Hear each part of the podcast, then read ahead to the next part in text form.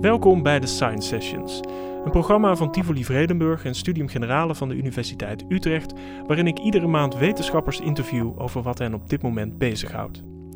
In deze aflevering kijken we naar leiderschap in crisistijd. Never waste a good crisis, zei Winston Churchill. Toch lukt het politici vaak niet om tijdens een crisis grote veranderingen door te voeren. Hoe komt dat? Ik spreek erover met Marijs Vinkels, bestuurskundige aan de Universiteit Utrecht. Welkom Marij. Dankjewel. Herman. Hoe gaat het met je? Nou, het gaat best goed. Ja? Ja. Hoe, hoe bevalt het werken thuis in deze situatie? Ehm, het werken thuis bevalt wel goed. Eh, Mhm. Ik ben het, denk ik, net als veel mensen ook wel een beetje zat. Je mist toch het echte sociale contact. Ehm, maar ja, in mijn persoonlijke situatie was het op zich wel fijn de afgelopen maanden. Zoals je kunt eh, zien, ben ik ook wel met een eh, ander project bezig geweest eh, de afgelopen tijd. Gefeliciteerd met het andere project. Dankjewel. Dus dat gaf me af en toe met dat thuiswerken ook wel eh, juist de tijd om even te rusten en te ontspannen. Dus eh, in dat opzicht mag ik niet klagen, maar ik mis natuurlijk wel mijn eh, collega's en, mijn studenten eh, om die veel in het echt te kunnen zien. Ja, je, je bent natuurlijk niet alleen zwanger, maar je bent ook nog aan het promoveren, toch? Zeker, ja. En eh, wat dat betreft kwam het thuiswerken ook niet heel verkeerd uit. Ehm, ik wist toch al dat de afgelopen maanden vol zouden zitten met veel schrijven en het proberen afronden van, eh, van mijn proefschrift. Ehm, dus eh, ik, ik had me al voorgenomen om me enigszins een beetje op te sluiten in mijn eh, thuiskantoor. Nou, en eh, heel Nederland deed eigenlijk met me mee. Dus dat Precies. was vrij solidair. En jij, jij doet onderzoek naar de rol van de economische overtuigingen van politieke leiders tijdens de eurocrisis. Eh, en met die kennis eigenlijk over crisismanagement denk je ook na over, eh, over de huidige coronacrisis. Daar gaan we het zeker over hebben. Ehm, we gaan het dus over crisis hebben. Wat, hoe, hoe definieer jij als wetenschapper een crisis? Nou ja, er is eigenlijk een vrij ehm, eh, algemene definitie van crisis te geven. Ehm, en dat is dat ehm, eh, we spreken van een crisis als sociale systemen. Dus gemeenschappen, landen, organisaties, regio's. eh, een bepaalde mate van urgentie, dreiging en onzekerheid ervaren. Mhm. Eh, eh, en ja, dat vraagt dan om een verrijkende respons. En ehm, wat belangrijk is in die definitie, is dat woordje ervaren. Eh, wat dus zoveel betekent dat crisissen dus ook iets subjectiefs in zich hebben. Dat betekent niet dat er niet objectieve elementen te vinden zijn. Mhm. Dus als er groeiende eh, COVID-infecties zijn of als de Griekse staatsschuld verder toeneemt, dan is er wel degelijk iets aan de hand. Maar het is aan hen die crisis besturen, leiders vaak, eh, om dus die, die urgentie, die dreiging eh, en die onzekerheid, om daar uiting aan te geven. Dus crisis zijn ook een subjectieve, eh, geconstrueerde werkelijkheid vaak. Zou, zou je dan kunnen zeggen dat die crisis eigenlijk gemaakt worden? Dus zonder, als, als, als, als niemand eigenlijk iets als een, als een crisis bestempelt, dan is er eigenlijk ook geen crisis. Exact, ja. Ja. Dus eh, nou, dat zie je natuurlijk ook wel een beetje. eh, misschien een veelgebruikt voorbeeld is natuurlijk wat Donald Trump heeft gedaan in de VS. Om eigenlijk die bedreiging die er, die er wel was, die dreiging die er was, gewoon niet te erkennen. Van het eh, virus bedoel van het Ja. virus. En de uitwerking daarvan, van eigenlijk het, ja, het, het niet bestempelen van een crisis als zodanig. De uitwerking daarvan zien we natuurlijk vandaag de dag nog steeds in de VS. Daartegenover zou je kunnen kijken naar die Nieuw-Zeelandse premier Jacinda Ardern. Die juist heel duidelijk was in het eh, framen van die crisis als een daadwerkelijke crisis die veel dreiging, veel eh, urgentie met zich meebracht om iets te doen. Zij was een van de eerste die een strenge lockdown afkondigde in haar land. Mhm. Nou ja, en ook daarvan zien we de effecten vandaag de dag. Ja, je, hebt het nu eigenlijk al over twee, twee leiders. Nou, de- Ja. de- echt grote zichtbare leiders op het, op, op, op het wereldtoneel. Waarom vind jij het zo interessant om te kijken naar leiders in crisissituaties? Ehm, nou, ik vond dat met name toen ik begon aan mijn promotieonderzoek interessant om naar leiders in de EU te gaan kijken. Mhm. Omdat in Europese studies, als we kijken naar eh, hoe EU-crisis eh gemanaged worden of eh, wat, de, wat de antwoorden daarop zijn, dan kijken we meestal naar grote instituties. Dus wat doet de Europese Centrale Bank? Wat doet de Europese Raad? Wat doet de Europese Commissie? Ehm, en daarin, ja, ik dacht altijd, ja, er zitten toch ook allemaal individuen in Hmm. die organisaties, die ja, met hun bagage die ze meenemen, hun ervaring, hun persoonlijkheid, hun overtuigingen, eh, die, die, die doen daarin iets. Dus eh, eh, ja, wat, wat zijn die ideeën van die mensen die op die plekken zitten, die die instituties bemensen. En hoe veranderen zij van positie, van idee gedurende zo'n crisis? En kan dat helpen om beter zicht te krijgen op waarom het voor de EU vaak heel ingewikkeld is om op dat soort grote crisis, zoals de eurocrisis en nu ook de COVID-crisis, om daarop te reageren. Ja, laten we eerst even die eurocrisis nemen, want dat is ook waar jij op focust in je, in je, in je onderzoek. Misschien kun je in, in drie zinnen even schetsen wat er nou eigenlijk aan de hand was. Oh, wat, er in, uh, wat er toen aan de hand met was. Die, met die eurocrisis. Ik dacht even in drie zinnen schetsen waar je onderzoek over Nee, nee, nee. nee, nee. um, dat is een, een, iets grotere uitdaging. Nou ja, de, waar ik naar heb gekeken is hoe uh, de EU en zeker dan dus de Europese leiders zijn omgegaan uh, met uh, het nieuws in 2009 dat de staatsschuld en de tekorten van de Griekse regering veel hoger waren dan altijd gedacht werd. Ja. En waarbij ja, uh, leiders dus voor de uitdaging stonden: wat gaan we doen? Ja, en wie, wie waren daar de hoofdrolspelers? Noem een aantal leiders Eén die we vandaag de dag nog steeds zien is uh, Angela Merkel natuurlijk. Ja. Is een van de weinige, de laatste der Mohikanen misschien wel, die uh, uit die tijd uh, is overgebleven. Papandreou, dus de, de vorige Griekse premier, was natuurlijk mm -hmm. een grote hoofdrolspeler. Um, ja, Sarkozy, Nicolas Sarkozy, de vorige Franse president. Nou, dat zijn voorbeelden van leiders die natuurlijk daar een rol in speelt. En hoe, hoe ga je dan kijken naar, want je, je kijkt dus naar die leiders en je gaat kijken wat voor overtuigingen zij eigenlijk meebrengen naar de onderhandelingstafel. Hoe, hoe doe je dat? We, we hebben Merkel bijvoorbeeld. Wat, wat typeerde Merkel in die eurocrisis? En je kunt op heel veel verschillende manieren onderzoek doen naar wat zijn dan ideeën van leiders. En ik weet natuurlijk nooit wat Merkel s'avonds tegen haar man zegt uh, nee. bij, bij het eten. Of maar ik kan... een wandeling op die uh, vakantie, ja. Exact. Dat, ja. En daar gaat mijn interesse ook niet per se naar uit. Maar wat ik wel wil weten is, wat zeggen ze in dat, in dat publieke debat? En hoe ja. kan ik daaruit uh, dat soort overtuigingen ontlenen? Uh, dus waar we vooral dan naar kijken is, wat zeggen ze in hun speeches over wat er aan de hand is? En ik heb dan voornamelijk gekeken naar hoe definiëren ze een crisis? Dus mm -hmm. hè, wanneer zeggen ze dit is zo urgent, dit is zo bedreigend, dit brengt zoveel onzekerheid met zich mee, we moeten iets gaan doen. Ja. En ik heb gekeken naar uh, wat ze denken uh, of wat ze uiten in uh, hun speeches over de rol van de economie in een crisis. Oké, okay, maar la laten we dan nog eens even naar, naar, naar, naar zo'n Merkel kijken. En je, je, hebt dus gekeken naar hoe ze zich uitliet in de, in de media. Wat, wat typeerde haar dan? Nou, ze was eigenlijk aan het begin van die crisis um, was zij vrij stellig. Dat zij dus heel snel eigenlijk zei van dit is echt een situatie, daar moeten we iets aan, uh, aan doen.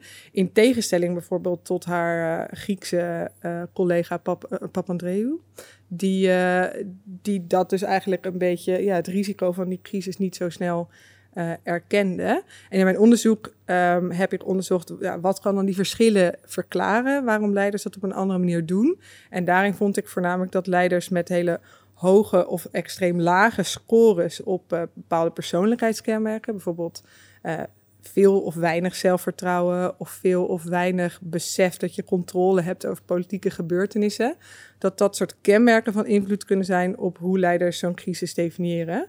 Dus Papandreou was bijvoorbeeld zeer zelfverzekerd. Um, en, uh, en had ook een groot besef dat hij de situatie weer onder controle had. Nou, dat heeft dan misschien effect op uh, hoe hij die crisis vervolgens uh, duidde. Terwijl Merkel, die in dat soort analyses van mij over haar persoonlijkheidskenmerken juist extreem laag scoorde. Ja, die zei eigenlijk vrij snel, er is iets aan de hand waar we collectief iets aan moeten doen. Dat kunnen we niet alleen en dat kan ik ook niet alleen. -hmm. En kun je dan ook kijken hoe dus die, die eigenschappen, hoe die uiteindelijk leiden tot nou, het, het beleid dat er gevoerd wordt? Nou, dat is wel inderdaad een soort van klassieke aanname dat je dan zou kunnen zeggen, die achterliggende persoonlijkheidskenmerken van leiders, die zijn dus van invloed op wat ze denken en wat ze dan vervolgens doen. Ja. ja. Nou, laten we, laten we het over, uh, over de coronacrisis hebben. Ik noemde het net al in mijn intro natuurlijk Churchill die zei never waste a good crisis.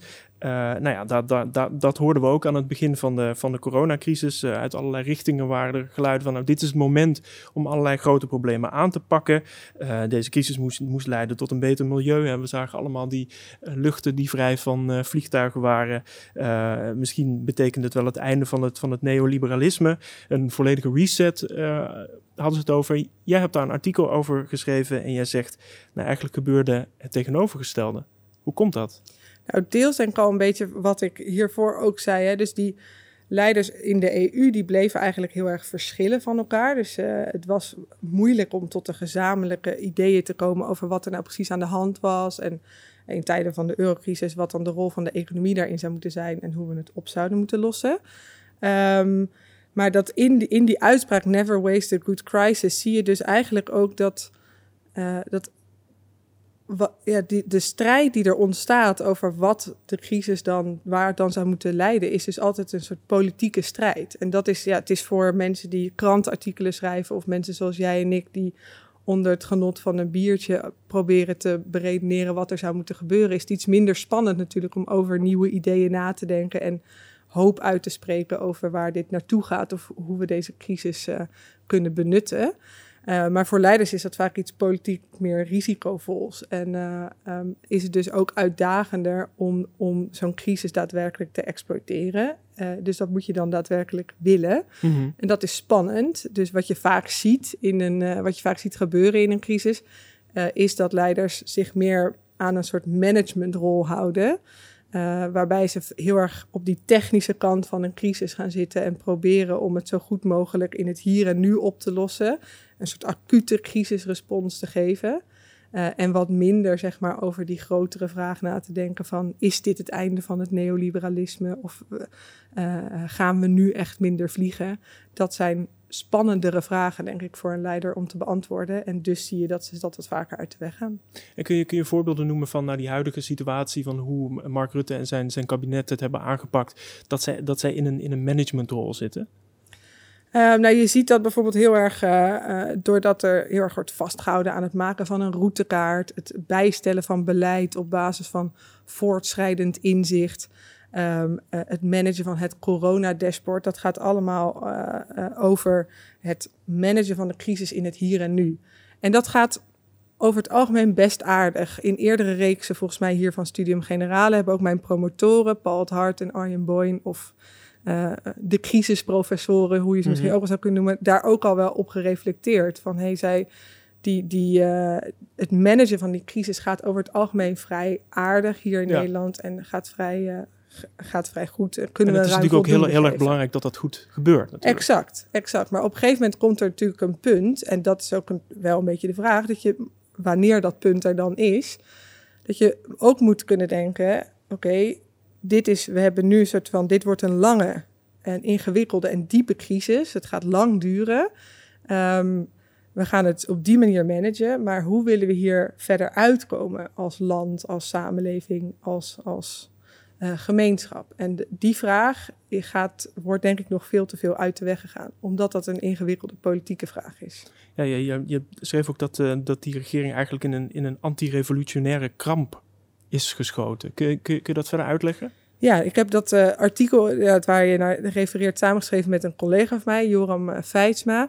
En um, uh, ja, daar, wat je vaker ziet gebeuren is dus inderdaad dat het veilig kan voelen om in juist een soort van bestuurlijke managerial rol te gaan zitten. Een crisis in dat hier nu op te lossen en wat minder ver te durven kijken naar, naar hoe we het willen veranderen vanaf hier. Ehm, dus ja, anti-revolutionair in de zin van die, die grotere vraag van hoe we hieruit willen komen, schuiven we nog even op de lange termijn. De, we gaan nog niet over die uitgestelde effecten in gesprek. We willen nu vooral de zorgcapaciteit uh, vergroten. Of we willen nu vooral de anderhalve meter samenleving handhaven. Um, uh, dus ja, ik denk.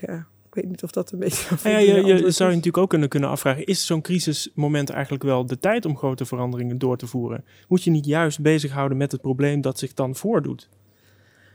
Nou, je moet van allebei hebben. Dus er, is, er zijn verschillende fases natuurlijk ook te onderscheiden in, uh, uh, in een crisis. En dat is bij zo'n heel langdurige crisis wat ingewikkelder. Weet je, een, een, ja, meestal duurt een crisis ook niet zo lang. De eurocrisis is natuurlijk een extreem voorbeeld en dit wordt ook een extreem voorbeeld. Maar meestal duurt iets natuurlijk een paar uur, een paar dagen.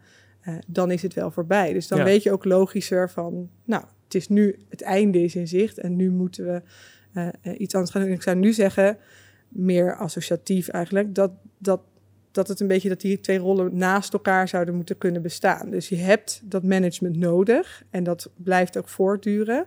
Maar je moet het niet misbruiken om de grotere vraag hoe je hieruit wil komen uit de weg te gaan. En dat zie je eigenlijk wel gebeuren, zeg je? Ja, er is weinig echt ruimte in de, aan de besluitvormingstafels, uh, uh, denk ik, in Nederland. Uh, om alternatieve ideeën, gedachten echt toe te laten. Dus we, we horen ze in de media, we zien ze op Twitter. Maar of ze daadwerkelijk aan tafel zitten, zeg maar, bij het kabinet, uh, wat minder, denk ik. Er is natuurlijk, het, nou, zeker aan het begin was het enorm logisch dat het kabinet vooral met dat OMT uh, eh, aan tafel zat. Ja, het Outbreak Management Team. Het Outbreak Management Team. En ondertussen zou je wel kunnen, of mag je ook hopen, zeg maar, dat er een aantal ministers, uh, bestuurders verder durven kijken dan alleen die acute zorg voor de voor het management van de crisis. En vind je dan dat bestuurders eigenlijk zich vastklampen aan die crisis? Nou ja, ze gebruiken het dus in zekere zin, denk ik wel. Het is, het is comfortabel om daarin te blijven. Uh, dat, dat, dat, is, dat, dat, dat klinkt zo raar. Het is comfortabel om in een crisissituatie te blijven. Ja, maar het verschaft je ook een soort van zekere nou, kijk maar naar Rutte en de Jonge. Het verschaft natuurlijk ook een zekere vorm van legitimiteit en een soort machtspositie waarin Rutte als grote staatsman werd gezien met zijn toespraak op tv. Ze staan vol in de, in de schijnwerpers. Dus het heeft ook zijn voordelen soms om juist in die uh, depolitisering uh, van die crisis te blijven zitten. Om wat wat uh, bedoel je met depolitisering van nou, de crisis? Om, het, om eigenlijk zeg maar, die, die grotere vragen die een crisis met zich meebrengt, om dat uit de weg te gaan en om je vast te houden aan we gaan morgen de routekaart opnieuw bijstellen en we gaan dat nog eens nader met elkaar bekijken. Ja, ja, als je dan naar, naar, naar Rutte kijkt, we hadden het net even over, over die Europese leiders en, en eigenlijk welke, welke eigenschappen en, en waarden en overtuigingen ze, ze, ze, meenemen naar de, naar de onderhandelingstafel. Wat, wat valt jou op aan Rutte en het, en het kabinet nu? Wat voor, wat voor waarden vind jij kenmerkend voor, de, voor, voor het beleid dat ze voeren? Ja, nou, dat is natuurlijk niet per se iets wat ik heb onderzocht, maar ik denk dat je dezelfde soort dynamieken die ik heb onderzocht in die eurocrisis natuurlijk ook hier terugvindt in de manier waarop onze bestuurders, onze leiders omgaan met deze crisis.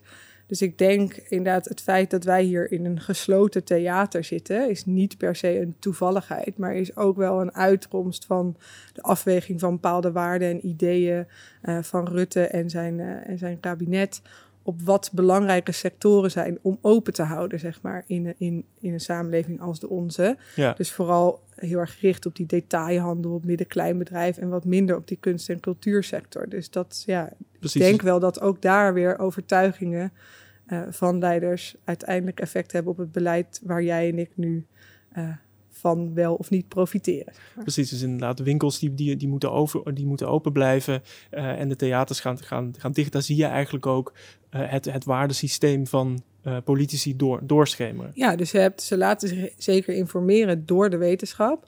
Maar die uiteindelijke afweging die er wordt gemaakt, is inderdaad ook een afweging op basis van de ideeën en waarden die zij hebben. En dat is een politieke keuze ook natuurlijk. Ja, je, je, je kijkt dus vooral naar die, naar die eurocrisis. Um, wat, wat, wat doet een goede leider?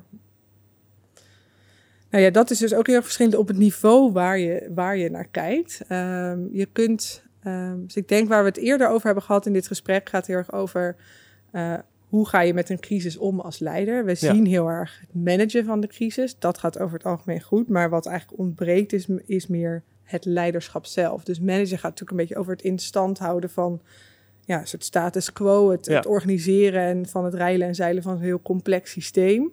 Zorgen dat de schade niet te groot wordt. Exact, en dat gaat dus ook wel goed. Maar het leiderschap, het politieke, het nadenken over verandering uh, en het eigenlijk managen van verandering, het organiseren daarvan, ja, dat perspectief denk ik mist, uh, mist nog een beetje.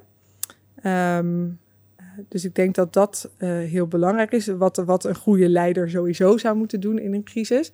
En dan vervolgens is het heel verschillend ja, waar die leider is. Weet je wel? Dus op Europees niveau heb je niet zoveel aan een, uh, aan een great uh, hero, one-man leadership show, mm-hmm. zeg maar. Dus daar ja. vereist het ook heel erg dat leiders in staat zijn om al die verschillende waarden en ideeën die zij hebben ten aanzien van het oplossen van een crisis, hoe ze daar ja, op een soort hoger gemeenschappelijk niveau over na kunnen denken en gezamenlijk een antwoord kunnen formuleren op uh, die complexe uitdagingen.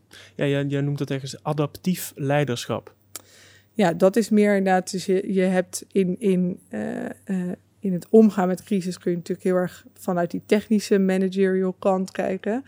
Uh, maar adaptief leiderschap is een concept wat uh, door de Amerikaanse hoogleraar Ronald Heifetz uh, is bedacht um, in 2009.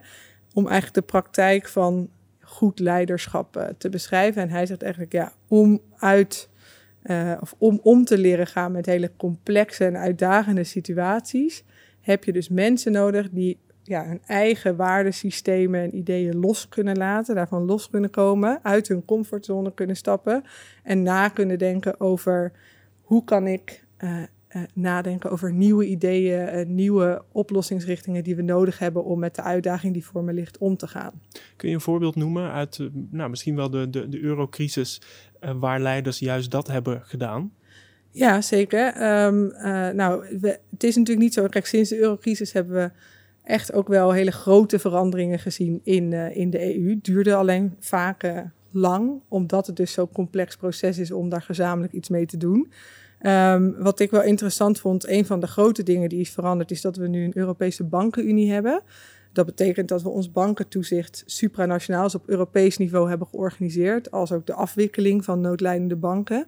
Dat bestond niet, dus echt een grote verandering. Um, en daar was eigenlijk uh, wat in het onderzoek wat ik daarna heb gedaan. Dus een van de momenten die ik tegenkwam was dat de vorige president van de Europese Raad, uh, Herman van Rompuy, uh, destijds, toen eigenlijk het managen van die eurocrisis wel oké okay ging, maar er niet echt grote veranderingen waren, mm -hmm. dat hij op een gegeven moment alle leiders van de Europese Raad een e-mail stuurde, of een e-mail, een uitnodiging, formele uitnodiging voor een informeel diner waarin hij heel bewust vroeg om eigenlijk alle bestaande ideeën die er waren even los te laten. En heel uh, creatief, innovatief en ook wel controversieel na te durven denken over hoe we gezamenlijk uit uh, de situatie waar ze zich in mei 2012 in bevonden, uh, zouden kunnen navigeren. En, en, dat en, is... en, daar waren dus alle, alle grote leiders, die waren daar, dus Rutte, uh, Merkel. Ja, die, die, werden dus uitgenodigd om dan bij dat diner daarover te ja. praten. Daar werd ook niks verder van uh, laten zien, zodat nee. ze ook achter gesloten deuren dat konden doen. Dus dat zou een voorbeeld kunnen zijn van een leider die laat zien: hey, het is een moment waarop we met elkaar onze eigen overtuiging even los moeten laten en na moeten denken over hoe we hier gezamenlijk verder uit willen komen. En schroom niet om iets controversieels te zeggen. En is er toen ook iets uitgekomen uit die, uh, uit die meeting? Daar? Nou, kausaal kan ik dit niet hard maken. Nee. Maar je ziet, zeg maar, die, deze uitnodiging was, kwam uit mei 2012. En in uh, juni 2012 is eigenlijk op een belangrijke eurotop besloten tot het, uh, um, tot het overgaan van het oprichten van zo'n bankenunie. Dus dat zou zeker verband met elkaar kunnen houden. Of het kan eraan bijdragen dat dat uiteindelijk is gebeurd. Ja, dus eigenlijk als je dan weer teruggaat naar die, naar die, naar die coronacrisis hier in Nederland, dan zou het best wel eens kunnen helpen dat, uh, nou, dat, dat Rutte niet alleen praat met dat OMT, dat die allemaal mensen uitnodigt, dat ze een soort van Zoom-diner uh, kunnen, kunnen, kunnen organiseren waar het doel is eigenlijk om even out of the box te denken en te kijken van nou, wat zijn eigenlijk de onderliggende problemen die ja. er nu zijn en hoe kunnen we die met z'n allen aanpakken. Ja, exact. Ik gebruik zeg maar in mijn onderzoek ook heel vaak het voorbeeld van, ik weet niet of je wel eens de Volkskrant leest. Ja, zeker. Nou, heb je op zaterdag heb je altijd zo'n magazine zin waar dan zo'n dilemma in staat van ja. de lezer. Dat vind ik een van mijn lievelingsrubrieken. Uh, nou, dat is ook zo'n voorbeeld waarin je eigenlijk inderdaad ja, op heel individueel, individueel niveau ook vraagt van... Goh, ik zou wel eens andere perspectieven willen horen op mijn kwestie. Nou ja, en die, je kunt een beetje op, op die manier ook hierover nadenken. Dat je soms natuurlijk, als je tot verandering wil komen, moet je daadwerkelijk ook wel ruimte maken om alternatieve perspectieven toe te laten. Ja. En dat ja, heb je op individueel niveau in de Volkskrant. En misschien passen mensen op basis van die inzichten die ze krijgen, terugkrijgen op hun dilemma's wel hun ideeën aan. Maar dat hebben natuurlijk voor Europese leiders is dat niet anders. Nee, Het zijn ook gewoon net mensen. Ja, in hoeverre denk je, en ik weet niet of dit helemaal binnen jouw onderzoek past, in hoeverre denk je dat, dat wat er nu gebeurt en wat de regering nu doet, dat dat ook eigenlijk is met het, met het oog op de verkiezingen die uh, volgend jaar plaatsvinden? Um, nou, ik denk dat dat. Um, uh, ik denk dat we de komende maanden juist best wel weer wat meer van die politieke strijd kunnen gaan zien. Omdat dan die soort idee- en waardestrijd ook weer meer gaat spelen. Omdat andere partijen zich daar dan natuurlijk ook veel meer mee gaan roeren. Dus dat die coronacrisis. nu, er, nu nog steeds is, gaat ook echt wel een belangrijke rol spelen in aanloop naar de verkiezingen. En zal dus daarmee denk ik wel iets politieker worden. Dus het zal wel iets ingewikkelder worden, denk ik, voor, voor het kabinet om echt alleen vast te houden aan die uh, technische leiderschapsrol. En uh, ze zullen wel iets meer worden uitgedaagd om ook over de vergezichten na te denken. Ja, precies. En je, en je, je ziet dat misschien nu al een beetje uh, gebeuren. Ik vond het wel, wel interessant dat je, de laatste werd, werd, werd geloof ik het, het verkiezingsprogramma van de VVD uh, eh, bekendgemaakt. En dan zag je eigenlijk dat de VVD voor, voor hun doen een, een grotere rol van de, van de, van de overheid aanhielden. Uh, eigenlijk ook in de crisis zelf heb je ook al gezien dat, nou ja, dat er heel veel geld is, is, uh, is gegeven aan, aan, onderne aan, aan, ondernemers. Dat, dat, dat, dat er heel veel steun is geweest. Dat is natuurlijk ook ergens een verandering die, die, die plaatsvindt tijdens een crisis. Zeker. En dus, nou ja, om te begrijpen of zo bijvoorbeeld hoe dat soort ideeën in een verkiezingsprogramma van de VVD terechtkomen, uh, zou ik gaan onderzoeken wie, diegene, wie degene zijn die zo'n verkiezingsprogramma schrijven, door wat voor ideeën zij zich laten inspireren, waar ze hun opleiding hebben genoten, met wie ze praten over hoe ze daarover nadenken. Want dat is zeker wel een, een verandering natuurlijk in het meer soort van klassiek liberale denken over de rol van de, de overheid. Ja. Um, uh, en uh, ik, ja, ik ik heb dat zelf verder niet onderzocht, maar ik las ook wel ergens inderdaad dat uh, een heleboel uh, uh, schrijvers van dat soort verkiezingsprogramma's zich dus laten inspireren door nieuwe inzichten uit de economische wetenschap over hoe het dan wel zou moeten. Dus misschien inderdaad dat het einde van het neoliberalisme wel inzicht is, maar het gaat dus heel gradueel Ehm, ja, zien we dat zo terugkomen in zo'n verkiezingsprogramma. En voordat dat dan daadwerkelijk gerealiseerd is, zijn we misschien wel weer tien jaar verder. Ja, uh, Marije, tot, tot, slot, stel je krijgt uh, eh, 2 miljoen euro om uh, onderzoek te doen. Wat zou je dan gaan doen? Um, wat ik zelf heel graag zou willen doen, is, ik, heb, ik heb nu vaak naar die overtuigingen gekeken van leiders in hun speeches, in wat ze zeggen in de media.